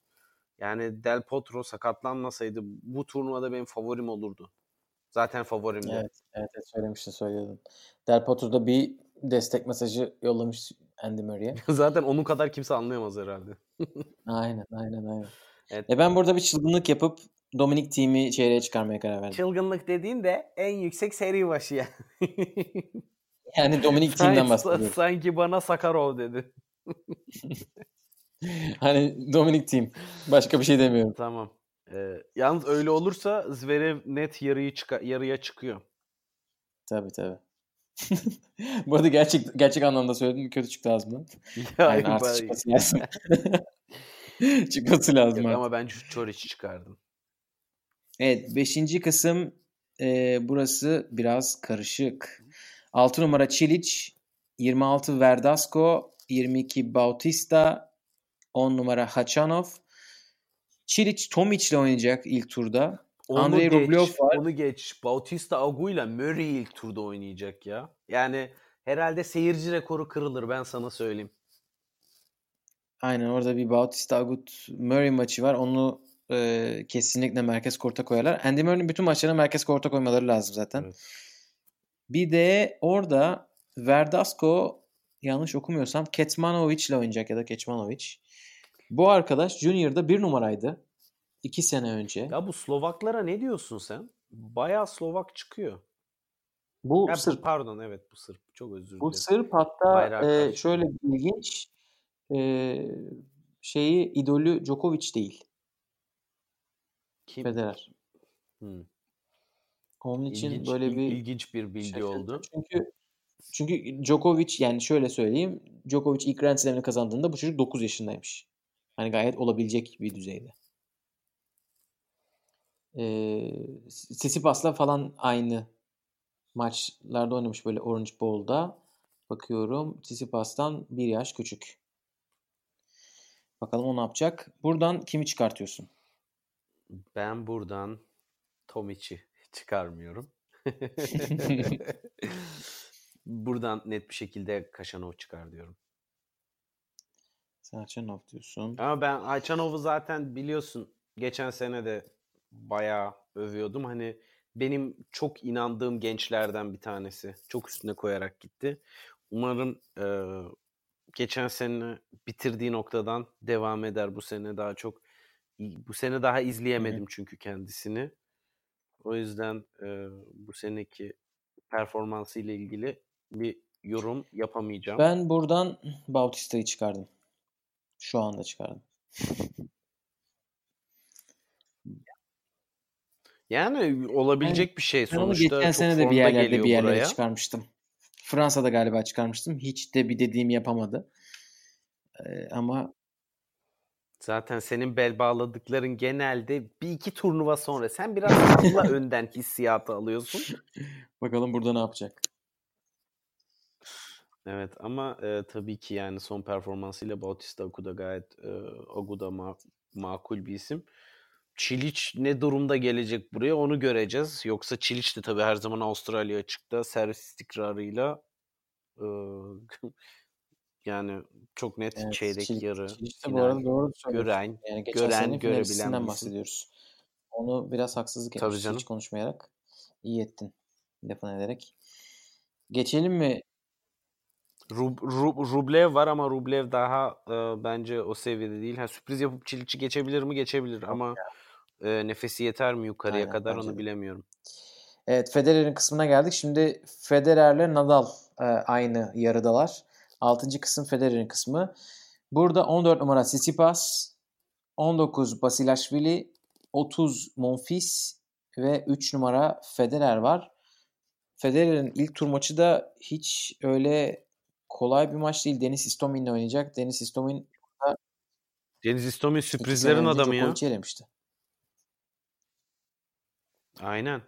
Yani Özbeklerin gururu yaş yaşı oldukça var ama oynadı mı fena oynuyor. Bak Kaç 31 yaşındaymış bakayım. olması lazım. E, ot- 30 Evet. 32 yaşında. Ama e, oynadı mı iyi oynuyor. Hani öyle bir adam. Eski e, kurtlardan. Bir burada bir çılgınlık Dolayısıyla yorabilir. Ya, ama e, bana mı burada bir çılgınlık Evet. yapacak mısın diyorsun? Sen benim nasıl bir çılgınlık yapabileceğimi zaten tahmin ettiğin için bana e, şey yapıyorsun. Sana söyle. Ortayı yapıyorsun. Yok, ben de Ya içimden çok Tsitsip- Tsitsipas demek geliyor. ben Tsitsipas yazdım kağıda. Aynen. Ee, ya ben bence tamamen Federer'in hani o forehand'in olmaması ve Tsitsipas'ın Federer'le Hopman Cup'ta oynaması. Ki aslında düz mantık baktığın zaman Hopman Cup'ta 7-6 7-6 Federer yendi Tsitsipas'ı. Ee, tamamen servis istikrarıyla yendi ama. Yani Öyle güzel şey var. maç ol- oldu. Ee, Federer'i en çok zorlayan isim bütün hafta boyunca Tsitsipas oldu ve herkes onun şeyden dolayı olduğunu söyledi. İşte Zverev'de ya da Tiafoe'da çok fazla e, varyete yok, çok fazla değişiklik yok. Ama Tsitsipas'ta çok fazla var. İşte e, topspin, backhand çok iyi. Ondan sonra forehand'de çok değişik şeyler yapıyor. E, ve servisi de çok iyi Tsitsipas'ın. E, Tsitsipas e, yani zaten çok başarılı ön plana çıkmış bir isim. Ama çok ilginç bir şey var. Muazzam işler yapıyor. Fakat onu böyle şova dökmüyor sayıyı kazandıktan sonra. Dolayısıyla aslında böyle sanki normal bir şey yapıyormuş şey gibi. Hani evet. iş o çok o çok ilginç. Yani öyle sayılar çıkarıyor, öyle toplara yetişiyor, öyle kuvvetli forehandler vuruyor ki sonrasında hani birçok isim böyle tribünleri ateşleyecek şekilde bir come on bir şey yapar, bir hareket yapar. Tsitsipas'ta o yok mesela. O yüzden hani ne kadar üst düzey bir tenis oynadığını fark etmek hani detaylı çok izlemeyen bir e, seyirci için e, gözden kaçabilir ama bayağı sağlam oynuyor ya yani. Evet bu arada yani insanların fark ettiği kadar güzel sayılarda bile çok fazla tepki vermiyor açıkçası. Hani onu çok şey yapıyor. Normalmiş gibi davranıyor. Ee, Sisipas'la alakalı tek bir şey belki geçen sene ilk Grand Slam sezonunu oynadı ve çok da iyi bir sezon geçirmedi. Avustralya çıktı ilk turda yenildi. Ondan sonra Roland Garros'ta e, ikinci turda yenildi ama Dominic Thiem'e yenildi orada. E, Amerika açıkta ikinci turda Medvedev'e yenildi. Arada Wimbledon'da dördüncü turda Isner'a yenildi. Sadece bir hani Grand Slam tecrübesi eksik ama artık son zamanlarda o kadar çok güzel maç oynadı ki ben onun için buraya Tsitsipas yazdım. Ben ben de onu diyecektim. Yani tabii ki Zverev'de bahsettiğimiz bu best of five sıkıntısı e, Tsitsipas'a da yazabilir miyiz aynı e, sıkıntıyı? Bence yazamayız. Çünkü e, e, Tsitsipas çok daha e, yani Zverev'de şunu görebiliyorsun hala o biraz çocuksu böyle özgüvenini kaybettikten sonra maçtan kopma durumu var. Tsitsipas'ta o yok. Evet. Yani bu açıdan çok daha soğukkanlı. Yani e, Zverev biraz daha duygularını kontrol etmeyi öğrenmesi gerekirken Tsitsipas buz adam gibi takılıyor ortalıkta ve bu Best of Five'da çok önemli Aynen bir şey. öyle. Sen de mi onu diyorsun? Evet. Ay harcadık Aa, lan göz göre göre.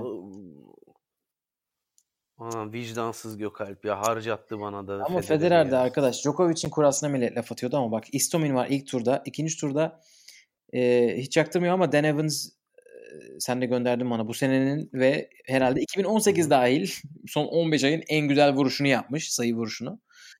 Arkasından evet. bir şeyler yapmış falan böyle herif ve Dan Evans da e, kokainden dolayı aldığı, Dört kere falan izledim vuruşu anlayabilmek için. Kokainden dolayı aldığı cezanın e, sonunda geldi. Challenger maçları oynadı falan filan derken sıralamada çok hızlı yükseldi.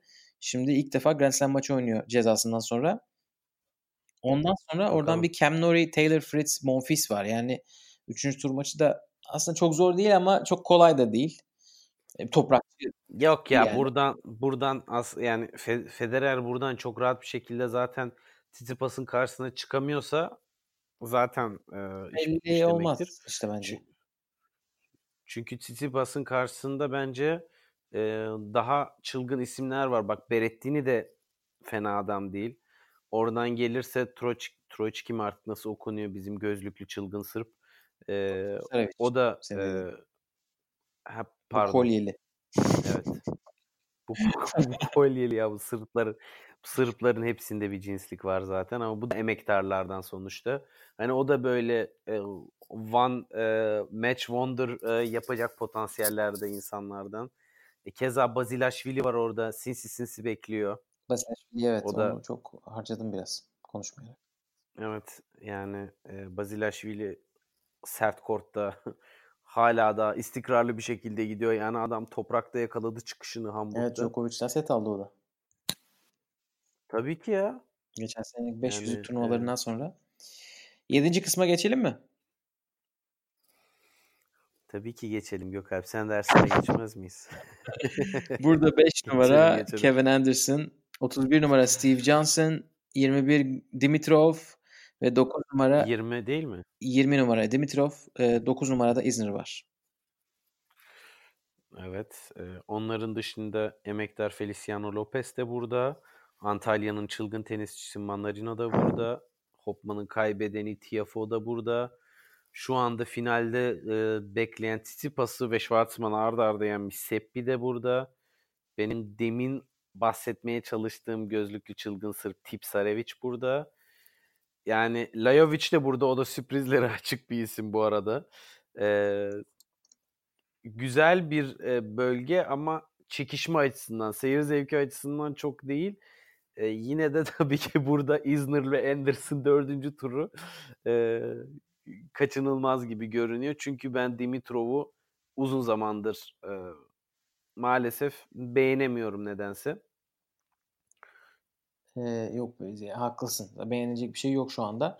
Burada evet. Tipsarevic sanırım e, Protected Ranking ile geliyor. Şu anda Evet. 2017 Ağustos'tan beri maç yapmıyor ve 609 numarada belki ITF Future falan oynamıştır arada ama e, uzun zamandır maçı gözükmüyor şu anda bakıyorum şeye istatistiklere.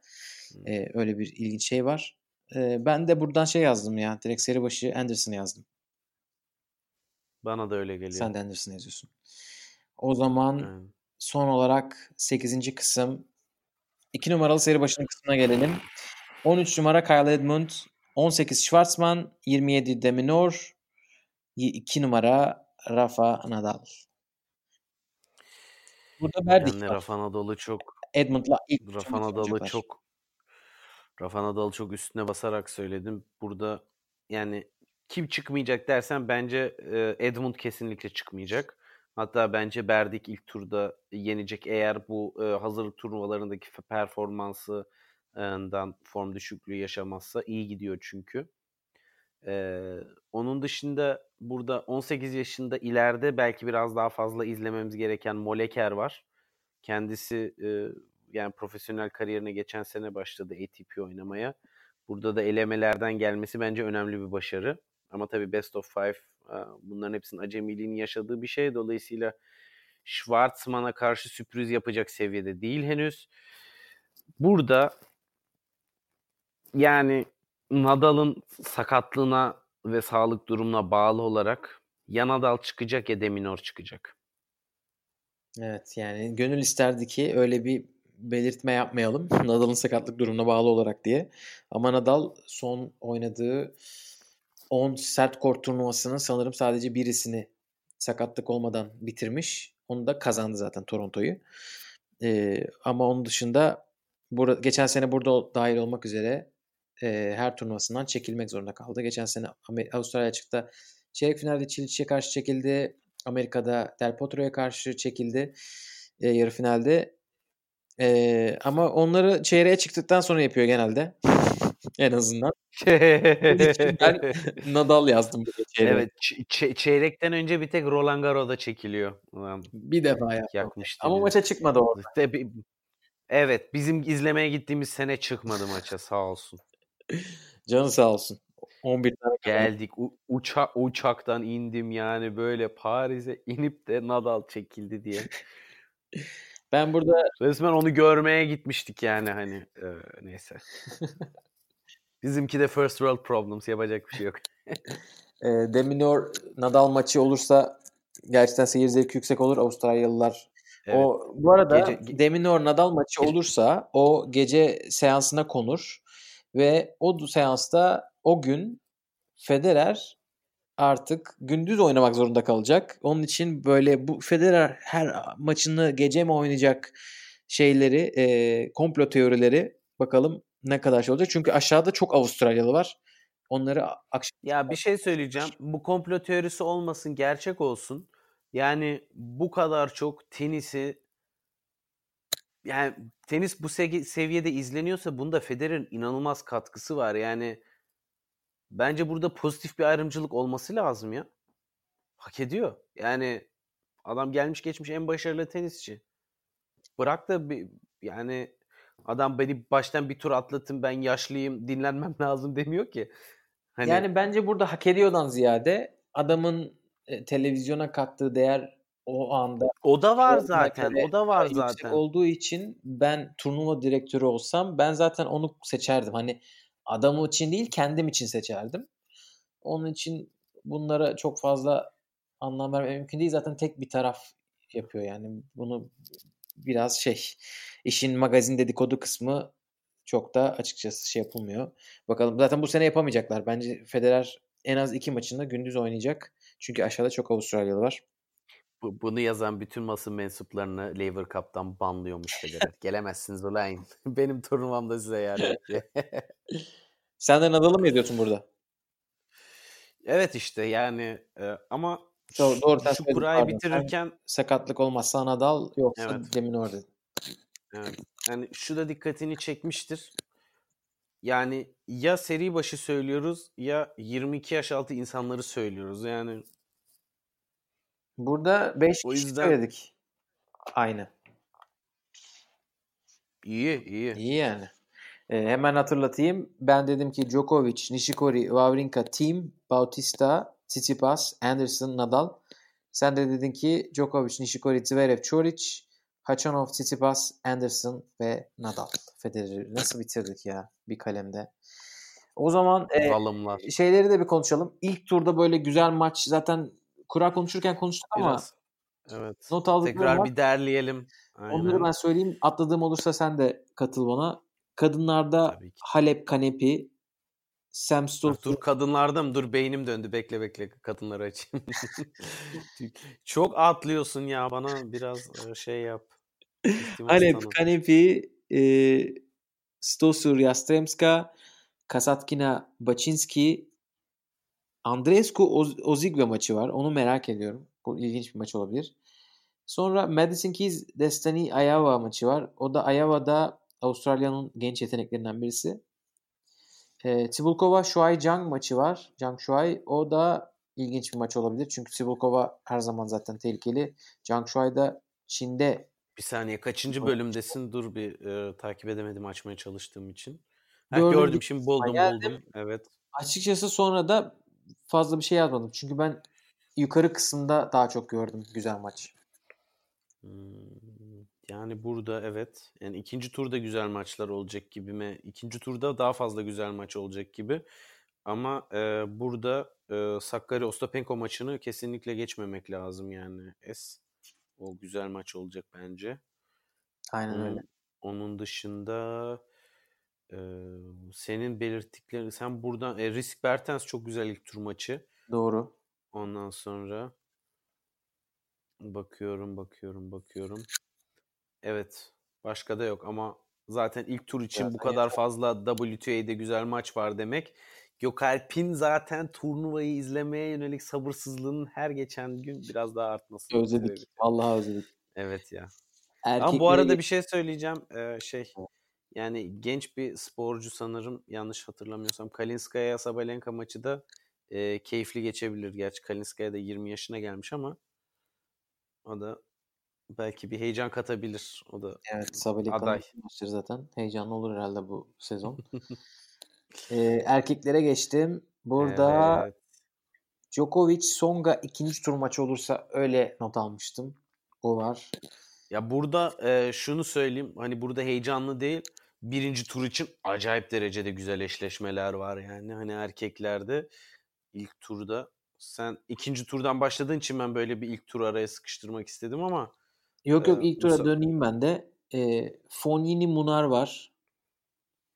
Ee, Wawrinka Gulbis, Kyrgios Raonic. O iki maç var yan yana. Per Team var. Yukarıyı bitirdim. Yukarıdan var mı ekleyeceğin ilk kısımdan?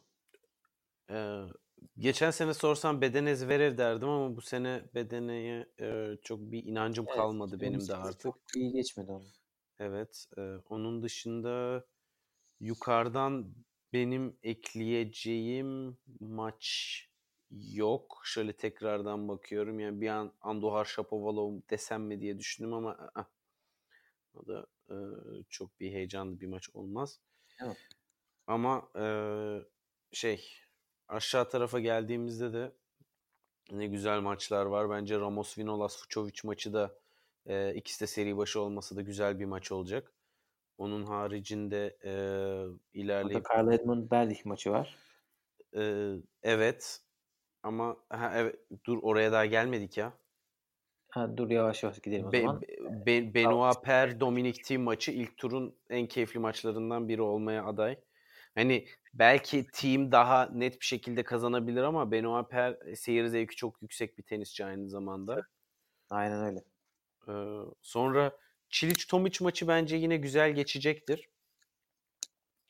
Ee, o burada kaçırılmaması gereken bir ilk tur maçı ve burada Bautista Agu Murray maçı var. Acayip maç. Ee, onun haricinde aşağı ilerlediğimde dediğim gibi daha önce de Hemen onun bir üstündeki o daha demin de dediğim gibi o Ketmanovic Verdasco maçını evet. merak ediyorum. O Evet, nasıl olacak diye. kusura bakma seni e, biraz fazla Yok canım. Tsitsipas yok. e, güzel olacak bence. E, onun haricinde buradan ya çok fazla da maç saydık şimdi dinleyenler de demesin lan her maçı saydınız. Ama Anderson, Man- Manarino efendim ben 2-3 kısmı atladım olduğu gibi. Istomin Federer maçını biraz zorlayabilir dedik ama da yani artık o Istomin yenerse Federer kötü o, oynamasından dolayı. O yüzden güzel değil ızdıraplı bir maç olur. Milman Federer maçı gibi. Ee, ama Manarino Anderson kesinlikle güzel bir maç olur. O da saati uyarsa izlenilmesi gereken maçlardan bir tanesi. Ee, onun dışında buradan senin son kısma geçeceğim ben. Edmund Berdik'e Aynen. geçiyorum. Benim bir tek o kaldı. Tamam o var. Ee, onun haricinde burada benim de Nadal Duckworth maçını e, önermeyeceğimi biliyorsun. evet oradan evet, bir şey orada, evet. çıkacağını sanmıyorum. Çık, çıkmadı. Çıkmadı. Ulan böyle diyoruz bir de ilk turda yeniyormuş. Allah. Yok ya yok. Yok, Aynen. Vermişler çocuğa daveti davetiyle geldi değil mi Duckworth? Evet. Bakayım. Evet. Evet davetiyle gelmiş. Yani bak düşün şu anki sıralaması 254. Bizim elemelerde ilk turu geçen Cem İlkel kardeşimizin 2 numara 2 sıralama gerisindeydi. Vatandaş kontenjanından hani bizde ATP 250'ye katılabiliyor Cem. Burada vatandaş kontenjanından Grand Slam'e katılıyor Slam'e arkadaş. Yani e, ve 26 Ya. yaşında hani mesela Cem'e baktığın zaman Bu 23 çok yaşında. şey. Çok sakatlık geçirdi Duckworth. Ben hatırlıyorum. İlk başta bu çocuktan çok şey bekliyorlardı. 2-3 defa sakatlıktan dönmek zorunda kaldı. Ya döndü de maksimum 82'yi görmüş Gökalp yani. Hani ilk 50'ye O girmişliği yok. değil o bence ilk ilk çıkış zamanı. Belki şu anda geri geliyordur ama Nadal'a karşı bir şey yapacağını kimse bir şey beklemiyordur zaten. Yani. Yavaştan kapatalım mı? Ee, kapatalım. Turnuva şeyini konuştuk. Ee, öncesinde neler oldu diğer turnuvalarda. Çeyrek final tahminlerini yaptık. Değişiklikleri konuştuk. Murray konuştuk. Bir sürü şey konuştuk. 1 saat 40 dakikaya yaklaşıyor. Zaten önümüzdeki hafta hemen bir tane daha kaydedeceğiz. Çeyreklerden önce. Evet. ilk hafta sonu sırasında. Yani e, şunu söyleyeyim. Avustralya açık benim en çok sevdiğim turnuvalardan biridir. Özellikle hep öğrenci öğrenciliğimizde e, sömestr tatiline denk gelirdi ve e, sabahlara kadar açıp izleyebiliyorduk. Hani bu açıdan Evet, güzel bir tarihe denk geliyordu. E, öyle de bir anı, şeyi var. Hani bir özelliği var bu turnuvanın ve gerçekten çok büyük sürprizlerin ve çok keyifli maçları hep izlemişizdir. Ben çok heyecanlıyım. Sezon başlıyor. Umarım geçen seneki kadar fantastik bir başlangıç olur yine. Ee, ama tabii ki 2017'nin başlangıcını hiçbir sezon geçemeyeceği için bakalım. Ee, bu senede sürpriz açısından fantastik mi olacak? Evet artık 250'ler bitti. Tenis sezonu başlıyor. Hepimiz hazırız. Aynen öyle.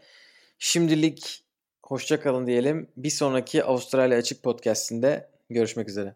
Görüşmek üzere.